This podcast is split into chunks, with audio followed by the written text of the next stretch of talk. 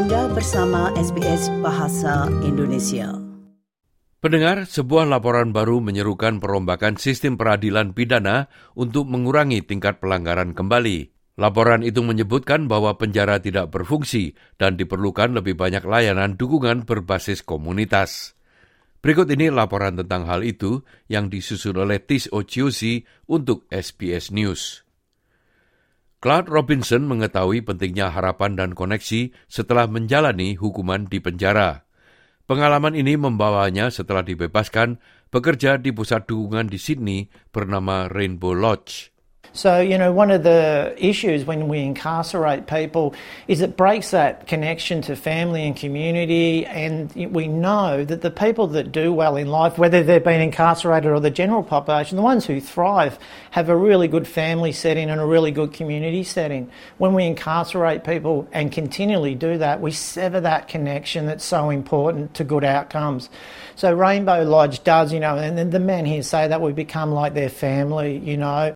Robinson mengatakan perumahan yang tidak stabil adalah hambatan terbesar bagi mereka untuk keluar dari sistem penjara. And as we all know, if you don't have stable housing and accommodation, you know, you can't meet all the other issues. You know, most of the men we work, work with are dealing with trauma, mental health, drug and alcohol issues. And then the First Nations men, you know, on top of that, you have all the intergenerational stuff, the impacts of colonisation. And in New South Wales, you know, we have the highest rate of First Nation incarceration in the world. So, you know, it's a real issue. Dari pengalamannya sendiri sebagai mentor, ia mengatakan tidak mungkin menghukum seseorang karena suatu perilaku. Sentimen serupa juga dimiliki oleh inisiatif reformasi keadilan. Mereka merilis sebuah laporan di Victoria yang mendorong agar layanan dukungan menjadi fokus sistem peradilan pidana. Direktur Eksekutif Inisiatif Reformasi Peradilan adalah Dr. Mindy Sotiri. What the report really points out is that jailing's failing. It's not working to deter people from committing crime. It's not working to rehabilitate, and it's certainly not working to keep the community safe. What we also point out in this report there are multiple evidence based alternatives that genuinely make a difference when it comes to actually addressing the drivers of contact with the criminal justice system. Laporan tersebut menemukan total biaya sistem penjara dewasa di Victoria pada tahun 2021-2022 adalah 1,3 miliar dolar dan 220 juta lainnya dihabiskan untuk penahanan anak-anak. Itu berarti lebih dari 5.000 per anak per hari atau 1,8 juta dolar per anak sepanjang tahun. Sarah Stilianos adalah salah satu warga Victoria yang pernah dipenjara di masa lalu. Ia mengatakan bahwa ia memahami bagaimana orang-orang terjebak dalam siklus pelanggaran berulang kali. I feel like because of the consequences and criminal records and things that are attached to, you know, spending time either incarcerated or got, cycling through the criminal justice system, I find that that was a massive barrier to me trying to move forward and to do, you know, other things with my life, like studying and trying to, you know, find myself in employment. I found it really challenging to kind of take those next steps because of the stigma and the criminal record holding me back and, and, and being a huge barrier. Menurut data dari Biro Statistik Australia, Lebih dari separuh populasi penjara di Victoria pernah dipenjara di masa lalu. Robert Tigner adalah ketua inisiatif reformasi keadilan dan mantan menteri urusan aborigin dan penduduk pribumi Selat Torres di pemerintahan Hawke.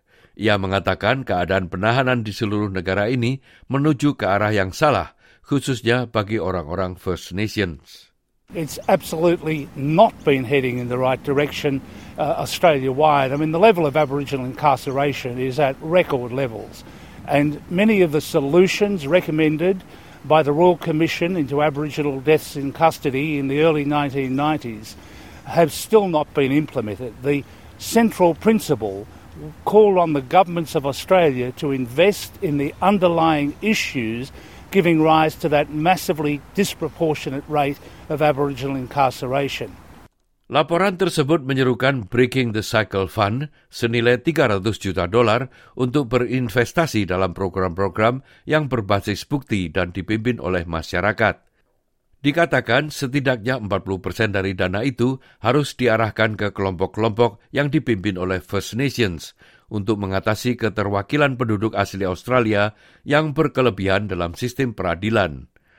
Mario Smith adalah CEO grup layanan masyarakat FACRO. This is very specialised evidence-based work.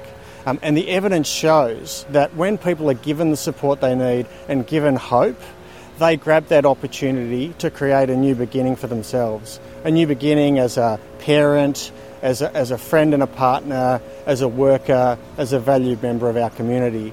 And that's the vision that this report sketches out.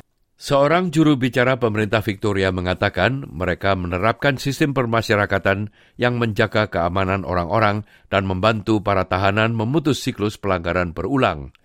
Juru bicaranya mengatakan kepada SBS bahwa pemerintah berinvestasi dalam program untuk membantu mereka yang berada dalam perawatan menggunakan waktu mereka secara produktif dan mengubah kehidupan mereka.